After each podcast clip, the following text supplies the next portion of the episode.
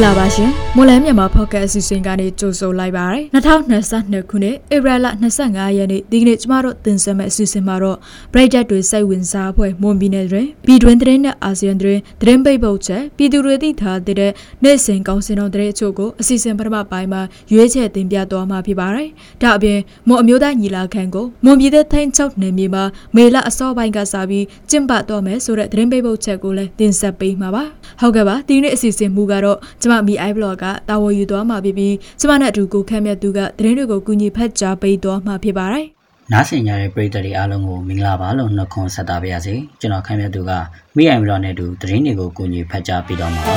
။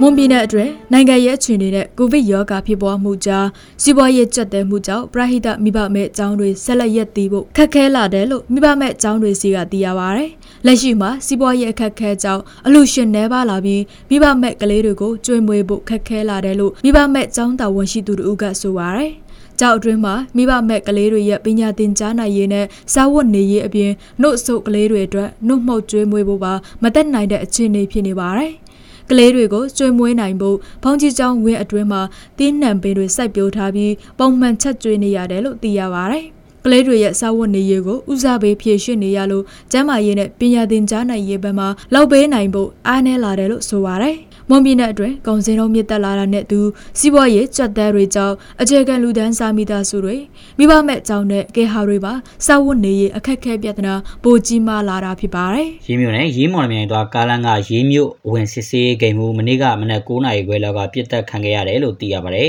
။ ရေးမြို့အဝင်ဂိမ်းမှာဆိုင်ကယ်နှစ်စီးနဲ့လူ၄ယောက်ဂိတ်ရှိရက်ပြီးစစ်စေးဂိမ်းမှုဦးကျော်စရာကိုပြင်စတိုနဲ့ပြစ်တက်သွားတာလို့ဒေသခံတွေကပြောပါတယ်။ရင်းမြို့မှာလုံခြုံရေးတိုးမြင့်ထားတဲ့ကြားက3ရက်တာအတွင်းတစ်တော်ကောင်းတအူစစ်စေးဂိမ်မှုအပါဝင်9ဦးခန့်အသက်ခံခဲ့ရတာပါအဲ့ဒီလူတွေကိုလှုပ်ကြံသွားတဲ့အဖွဲ့ကရေးမြို့မှာနာမည်ကြီးနေတဲ့ရေးဘလူအဖွဲ့လို့ရဲတပ်ဖွဲ့ကဆိုပါတယ်ရေးဘလူအဖွဲ့ကိုဖမ်းဆီးဖို့နဲ့သတင်းပေးဖို့ရေးမြို့မှာရဲစခန်းကစိုင်းမုတ်ထောင်ကြီးညာတာမျိုးလည်းရှိခဲ့ပါတယ် ရေးမြို့နယ်မှာစစ်တပ်နဲ့နှီးဆက်သူတွေနဲ့နေရာနှံ့ဘုံဖောက်ခွဲမှုတွေတိုက်ခိုက်လေရှိတာကြောင့်ရေဘလူအဖွဲ့သားတွေနဲ့ပတ်သက်ပြီးသတင်းပေးတိုင်ကြားလာတဲ့သူတွေကိုစုချင်းငွေချီးမြှင့်မယ်လို့သတင်းထုတ်ပြန်ထားပေမဲ့ဒီနေ့ထိတော့ဖမ်းဆီးရမိတာမရှိသေးဘူးလို့သိရပါတယ်။ပြလာဖွင့်လက်လိုက်တဲ့လေကြောင်းလိုင်းတွေကနေမြန်မာပြည်ကိုလာရောက်ဖို့အတွက်တယောက်နိုင်ငံသားတွေကိုအလေးထားဖိတ်ခေါ်တယ်လို့ပြန်ကြားရေးဝန်ကြီးဦးမမောင်အောင်ကပြောပါတယ်။ ဥမမောင်အောင်ကပြည်ပသတင်းဌာနတွေကိုဗီဒီယိုကွန်ဖရင့်နဲ့တွေ့ဆုံစဉ် CCTV သတင်းဌာနရဲ့မေကွန်းကိုဖြေကြားတော့ကအခုလိုပြောကြားသွားတာဖြစ်ပါတယ်။မိမိတို့နိုင်ငံအတွင်းအချို့နေရာတွေမှာသာမတိမငြိမ်ဖြစ်ပေမဲ့အထူးခရီးစဉ်ရှိတဲ့နေရာတွေမှာလုံခြုံရေးရှိကခရီးစဉ်တွေရပ်နားထားတဲ့နှစ်နှစ်ကျော်အတွင်းကျန်းမာရေးအတွက်အပြည့်အဝဆောင်ရွက်မှုတွေအပြင်ခရီးသွားလုပ်ငန်းအတွက်လည်းပြင်ဆင်မှုတွေများစွာဆောင်ရွက်ထားတယ်လို့ဥမမောင်အောင်ကဆိုပါတယ် ခရီးသွားလုပ်ငန်းဟာမိမိတို့နိုင်ငံအတွက်အရေးကြီးတဲ့လုပ်ငန်းဖြစ်တဲ့အတွက်နိုင်ငံအလုံးကိုဖိတ်ခေါ်ထားပြီးအထူးသဖြင့်အိန္ဒိယနိုင်ငံဖြစ်တဲ့တရုတ်နိုင်ငံကိုအလေးနက်ထားဖိတ်ခေါ်တယ်လို့ဥမမောင်အောင်ကပြောပါတယ် နိုင်ငံတကာလေကြောင်းခရီးစဉ်တွေပြက်လက်ပြန်တန်းနေတဲ့ရန်ကုန်အပြည်ပြည်ဆိုင်ရာလေဆိပ်မှာတော့ပြည်ပမှ commercial flight အနေနဲ့စင်ကာပူလေကြောင်းလိုင်းနဲ့ပြည်တွင်းမှနိုင်ငံပိုင်မြန်မာအမျိုးသားလေကြောင်းလိုင်း MNA အပြည်ပြည်ဆိုင်ရာမြန်မာလေကြောင်းလိုင်း MAI နှစ်ခုပဲနိုင်ငံတကာခရီးစဉ်တွေပြန်တန်းနေတယ်လို့သိရပါဗျ။ကရင်မျိုးသားလွတ်မြောက်ရေးတပ်မတော် KNL ဗဟိုစစ်ဦးစီးဌာနချုပ်ကမြောက်ရီကော့ဂရိတ်အာရှလမ်းမကြီးပေါ်မှာတွာလာနေတဲ့မော်တော်ယာဉ်တွေကိုအကြောင်းမဲ့မပစ်ခတ်ဖို့ပြီးခဲ့တဲ့ရက်ကညွှန်ကြားလိုက်ပါတယ်။ ကရင်မျိုးသားလွတ်မြောက်ရေးတပ်မတော် KNL စစ်ဦးစီးချုပ်ဗိုလ်ချုပ်ကြီးစောကျော်နီလက်မှတ်ရေးထိုးထားတဲ့ညွှန်ကြားစာထွက်ပေါ်လာတာပါမြရီကော့ဂရိတ်အာရှလမ်းမကြီးပေါ်မှာတွာလာပြေးဆွဲနေတဲ့ခီးတဲ့တင်မော်တော်ယာဉ်တွေအရက်သားကုန်ကားတွေကုန်တင်မော်တော်ယာဉ်တွေကိုအကြောင်းမဲ့နှောက်ယှက်ပစ်ခတ်တာမိရှို့ဖျက်ဆီးတာတွေမလုပ်ဖို့တပ်ဆိုင်ရာ KNU တပ်မဟာတရင်တွေမှာရှိတဲ့အောက်ခြေအဆင့်ဆင့်ကတပ်မှုတပ်သားတွေကိုညွှန်ကြားစာမှာဖော်ပြထားပါတယ်။ KNU တပ်မဟာ6နဲ့တပ်မဟာခွန် တပ်မဟာမူတွေထံရည်ညွှန်းပေးပို့ခဲ့တဲ့ဒီညွှန်ကြားစာကို KNU ကရင်မျိုးသားအစည်းအရုံးဘိုးအလုံးအမှုဆောင်ကော်မတီရဲ့ဆုံးဖြတ်ချက်အရထုတ်ပြန်ထားတာလို့လည်းဖော်ပြထားပါတယ်။ညွှန်ကြားစာကိုလိုက်နာမှုမရှိဘဲဖောက်ဖျက်ကျူးလွန်ခဲ့ရင်လိုအပ်သလိုအရေးယူဆောင်ရွက်ခြင်းခံရမယ်လို့လည်း KNL စစ်ဦးစီးချုပ်ရဲ့ညွှန်ကြားစာမှာဖော်ပြထားပါတယ်။ပြီးခဲ့တဲ့လပိုင်းတွေကအာရှလမ်းမကြီးပေါ်မှာဖျက်ဆီးသွားလာခဲ့တဲ့ကုန်တင်ယာဉ်တွေခီးတဲ့တင်ယာဉ်တွေနဲ့ဆိုင်ကယ်တွေမိရှို့ခံထားရပါတယ်။ ကရင်ပြည်နယ်မြဝတီမြို့ထိုင်းမြန်မာနှစ်နိုင်ငံချစ်ကြည်ရေးတရားအမှတ်အနီးမှာစနေနေ့ကမြန်မာစံတော်ချိန်ည7:00နာရီမှာပောက်ကွဲမှုဖြစ်ပွားခဲ့တာကြောင့်ရဲတပ်ကြပ်တအူနဲ့ရဲသားတအူတန်ရာရရှိခဲ့တယ်လို့တရားခံတွေကဆိုပါတယ်။ပပောက်ကွဲတံကျဲလောင်စွာကြားရပြီးနေအိမ်မှာပါတုံခါမှုဖြစ်ပွားခဲ့ကြောင်းအခုလိုပောက်ကွဲမှုမျိုးတကားမှမကြုံဘူးဘူးလို့မြဝတီမြို့ခန့်တူကပြောပါရယ်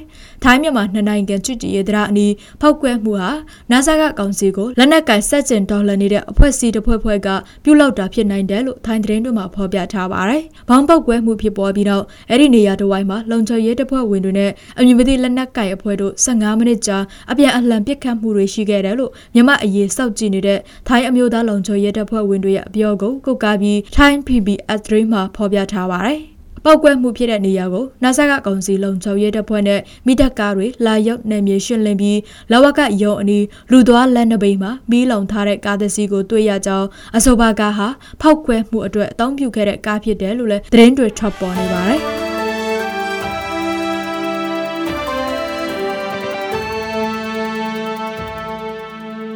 ဟုတ်ကဲ့ပါဆက်လက်ပြီးတော့ပြည်သူတွေသိထားတဲ့နေစဉ်ကုံစင်တော်တဲ့အချို့ကိုမလမြိုက်ကောင်စီတိုင်းကအချက်လက်တွေကိုအခြေခံပြီးကျမကတင်ဆက်ပေးပါအောင်မယ်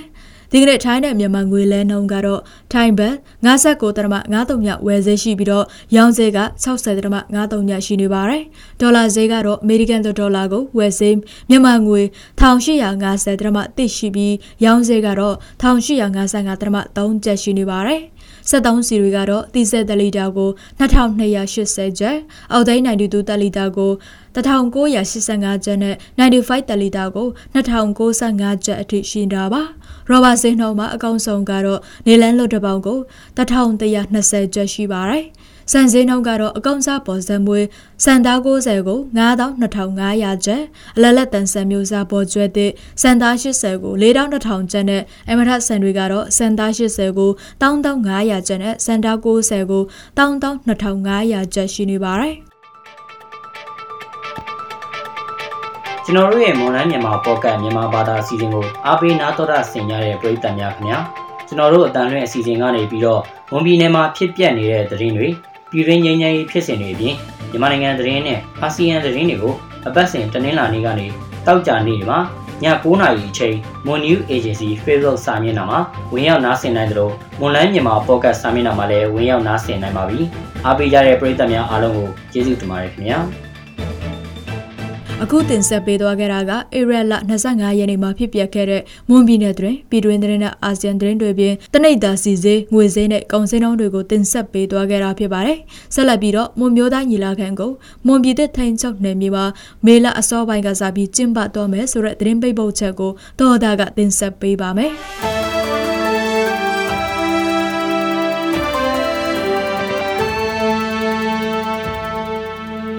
န်မျိုးသားရေးညီလာခံကိုမွန်ပြည်နယ်ရေးချောင်းဖျားဒေသမှာရှိတဲ့မွန်ပြည်သက်ပါတီထိန်းချုပ်ရာနယ်မြေမွန်မျိုးသားပညာရေးဌာနအခြေစိုက်ရာညီစာစခန်းမှာမေလ2ရက်နေ့ကနေစတင်ပြီး၄ရက်ကြာကျင်းပသွားမှာဖြစ်ကြောင်းသိရပါဗျ။အဲ့ဒီညီလာခံကနေအနာဂတ်အတွက်အဖြေရလက်ကောင်တစ်ခုထပ်ပေါ်လာလိမ့်မယ်လို့ညီလာခံကျင်းပရေးကော်မတီဒုတိယအဖွဲ့ခေါင်းဆောင်မွန်မြစ်ပါတီဖို့အလုပ်မှုဆောင်ကော်မတီဝင်နိုင်ပညာလဲကဆိုပါတယ်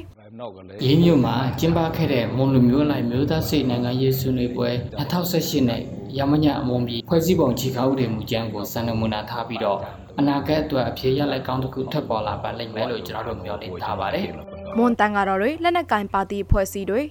တရားဥပဒေပေါင်းသွင်းကနိုင်ငံရေးပါတီနဲ့ကန္တဆောင်ရက်ဖတ်လူမှုအဖွဲ့အစည်းအသီးသီးကပါဝင်ဆောင်ရွက်မှာသာမော်မျိုးသားတို့ရဲ့ရည်မှန်းချက်ပန်းတိုင်ရောက်ရှိနိုင်မှာလို့မွန်ပြည်သက်ပါတီကလက်ခံထားကြောင်းနိုင်ပညာလယ်ကဆက်ပြောပါရယ်ထောက်ပတိုင်မျိုးသားတို့ရဲ့ရည်မှန်းချက်ပန်းတိုင်ရောက်ရှိနိုင်ဖို့အတွက်မျိုးသားစည်းလုံးညီညွတ်ရေးကိုအရင်ဦးဆောင်လှုပ်ဆောင်တည်တယ်ဆိုပြီးကျွန်တော်တို့မွန်ပြည်သက်ပါတီဗဟိုကော်မတီနှစ်စဉ်စည်းဝေးတိုင်းလိုလိုမှာရှုမြင်ခဲ့ပါတယ်မျိုးသားစည်းလုံးညီညွတ်ရေးကိုတည်ဆောက်နိုင်ဖို့ဆိုရင်ကျွန်တော်တို့အချင်းချင်းစုစည်းနိုင်ရမယ်ဆွေးနွေးတိုင်ပင်နိုင်ရမယ် ဒါမှလည်းကျွန်တော်တို့လိုလားတဲ့ရီမန်းချက်ပန်းတိုင်စီကိုခရီးအရောက်လှမ်းနိုင်ပါလိမ့်မယ်။မိလခံကိုယ်စားလှယ်တွေဖြစ်မွန်ပြည်သက်ပါတီ NMSP 3ဦးမွန်ညညွတ်ရေးပါတီ30ဦးအရက်ဖတ်မွန်ဖွဲ့စည်းများ45ဦးမွန်တန်ကတော့30ပါဖိတ်ကြားသေးတဲ့အဖွဲ့အစည်းနဲ့ပညာရှင်လူပုဂ္ဂိုလ်တွေအပါအဝင်စုစုပေါင်း250ဦးတို့ဖြင့်လက်လာသူများပါတက်ရောက်ကြမယ်လို့ညီလာခံကျင်းပရေးကော်မတီထံကနေသိရပါဗျ။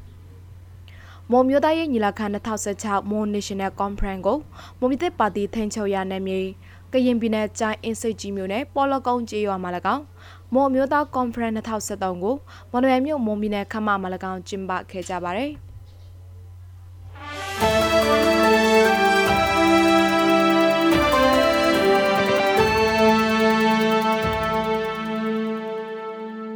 ရဲ့မွန်လိုင်းမြန်မာပေါ့ကတ်စီစဉ်ဒီမှာတင်ပြီးဆုံးပါပြီ။နားဆင်ကြတဲ့ပရိသတ်တွေအားလုံးကိုနောက်နေ့စီစဉ်တွေမှာဆက်လက်အားပေးကြပါအောင်လို့ဖိတ်ခေါ်ရင်းအစီအစဉ်ကိုအဆုံးသတ်ပါရစေ။အားလုံးကိုကျေးဇူးတင်ပါတယ်ခင်ဗျာ။